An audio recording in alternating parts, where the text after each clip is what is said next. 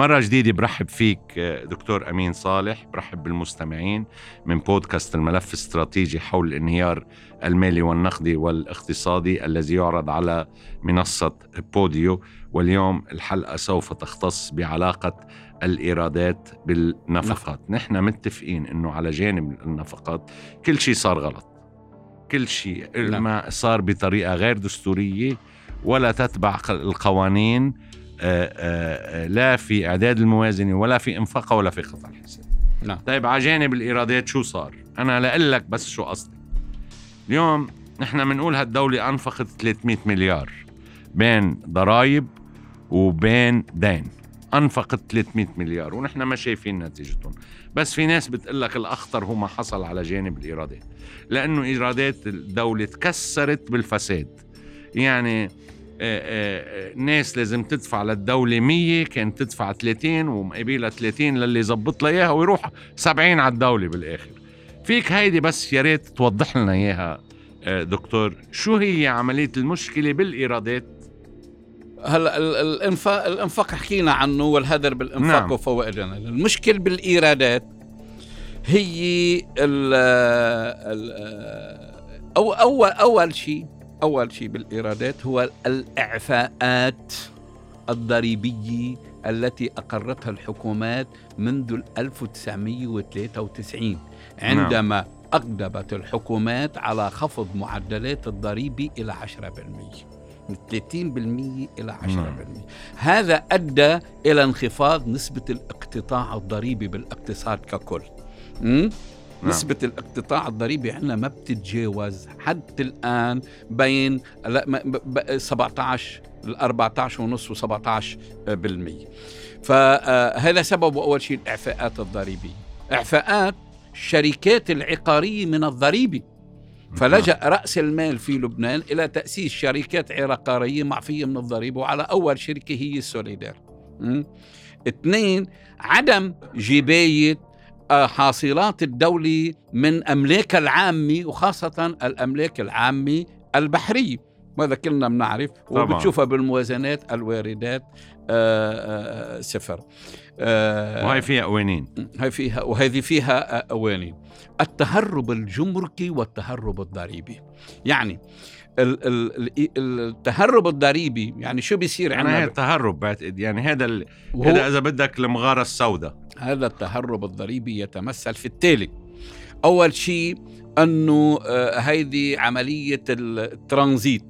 الجمرك يعني بفوتوا البضاعة على أساس أنه هي ترانزيت رايحة على البلاد العربية والترانزيت هو غير خاضع للضريبة. بتنزل على السوق المحلي فبتنزل البضاعة لا تفئة عليها ولا ضرائب جمركية عليها الت- آه، التلاتة ال- عدم عدم آه، كفاءة الإدارة الضريبية أو تواطؤها مع المكلفين المتهربين من الضرائب مع أنه لغاية تاريخه يعني صدر سنة 2015 قانون آه، مكافحة تبييض الأموال والبند 21 منه بالمادة الأولى بيعتبر التهرب الضريبي جريمة من نعم. الأعمال المجرمة وبالتالي لم يحل لغاية تاريخه أي مكلف بجرم التهرب من الضريبة مع أنه وأنا اشتغلت ردح كبير بقصة الضرائب وال آه، وال والإدارة ال- الضريبية آه، معظم الناس تمسك تهرب تتهرب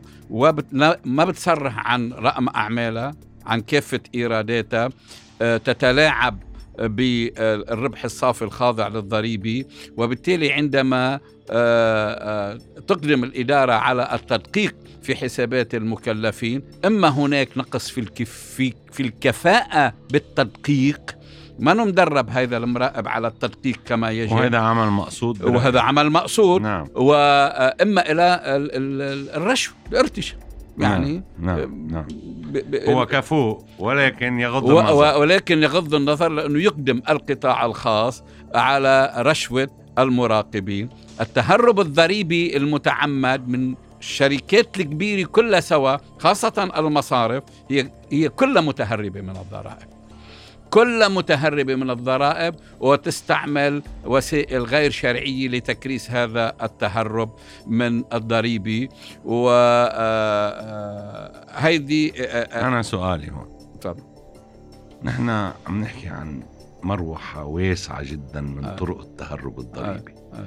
بدي أضيف عليها أنا في ما في تهرب في أوقات أشياء صارت بشكل عمد مثبتة بعنوانين م. لخفض إيرادات الدولة أي. أهم أهم سنة ال 2000 م. خفض الرسوم الجمركية. مزبوط طيب إذا جمعنا هول كلهم مع بعضهم دكتور صالح برأيك بهال بهال 25 26 سنة الأخيرة بالمعدل كل سنة الموازنة قديش كانت عم تخسر إيرادات من وراء إما القوانين التي تقلص الواردات وإما التهرب الضريبي وإما الفساد الضريبي. يعني بتصور مثلا خلينا قبل ال- ال- الإعفاءات الضريبية. والإعفاءات بال-. بالقوانين وقت أعفت. هلا بعد لغاية تاريخه. نعم. بيع الأسهم معفى. معفى. يعني أي شركة من الشركات شركة آه، شركة آه، تفرغ يعني هذا التفرغ؟ يعني أنا بملك أنا بملك شركة عقارية بملك عقارات. أسسنا شركات عقارية هي من سنة 93 بتملك عقارات هون على راس بيروت إيه. وبأسس شركة شين ميم لام. بدل نعم. ما بيع العقار ببيع الأسهم. الأسهم معفاة من الضريبة. شو صرت أنت معفى؟ من رسم الفراغ. يعني بتنتقل ملكية العقار إلى ملكية حملة الأسهم من رسم الفراغ ومن ضريبة الدخل. يعني هون في تهرب مزدوج قانوني ولكن هو بالحقيقة صحيح صحيح. بال- بالحقيقة هو صحيح، تهرب احتيال تهريب احتيال ضريبي. تهريب ضريب الأكثر من هيك. أكثر من هيك. النظام الضريبي بحد ذاته نظام صار آه، مهترئ. يعني نحتمد نحن بخلاف العالم كله سوا نظام الضرائب النوعية على الدخل. يعني ضريبة على الرواتب وضريبة على الأجور وضريبة على الفوائد ما في نظام على موحد الأرباح. للضرائب. ما في الضريبة الموحدة على الدخل. ومعنى ذلك أنه أي مكلف في لبنان وخاصة الأغنياء يدفعون ضرائب على أقسام من الدخول. بمعنى آخر أنا ما عم طلعهم للشرائح العليا من الضريبة يسلم حتى. يلي ممكن بساعتها توصلهم ل 40 و 45 يسلم حتى. من شان. هيك عم باخذهم بالمفرق لتضل نسبة الاقتطاع الضريبي خفيفة. يعني تحت ال- تحت ال- النسبة آه. قبل ما نسكر هالحلقة آه.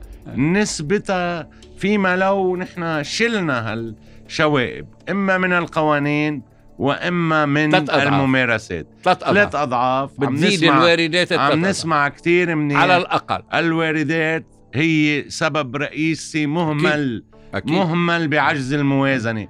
نحن بنركز على الإنفاق دائما. دكتور لا. صالح بيقول ثلاث أضعاف ثلاث أضعاف ممكن على تكون الأقل. الواردات. إيه والأنكى من هيك والأنكى من هيك. هذا النظام الضريبي هو نظام غير عادل. يعني نعم. عندنا عبء ضريبي خفيف الاقتطاع الضريبي خفيف وبالوقت ذاته عندنا عبء ضريبي كبير على الطبقات الفقيرة كل ما طلعت كل ما خف العبء. أيوة. كل ما طلعت بالسلم الاجتماعي. 76 تقريبا يعني حول ال- تحسنت شوي. آه، كان يعني من 72 73 ل 76% هي ضرائب غير مباشرة يتحملوها الناس يعني على الاستهلاك. نعم. مثل الضريبة نعم. على القيمة المضافة والرسوم هو رح الجمركية. نوصل لهم بالموازنة الحالية. نعم. بشكرك على هالحلقة دكتور صالح وبشكر استماعكم الكريم. إلى اللقاء في حلقة مقبلة.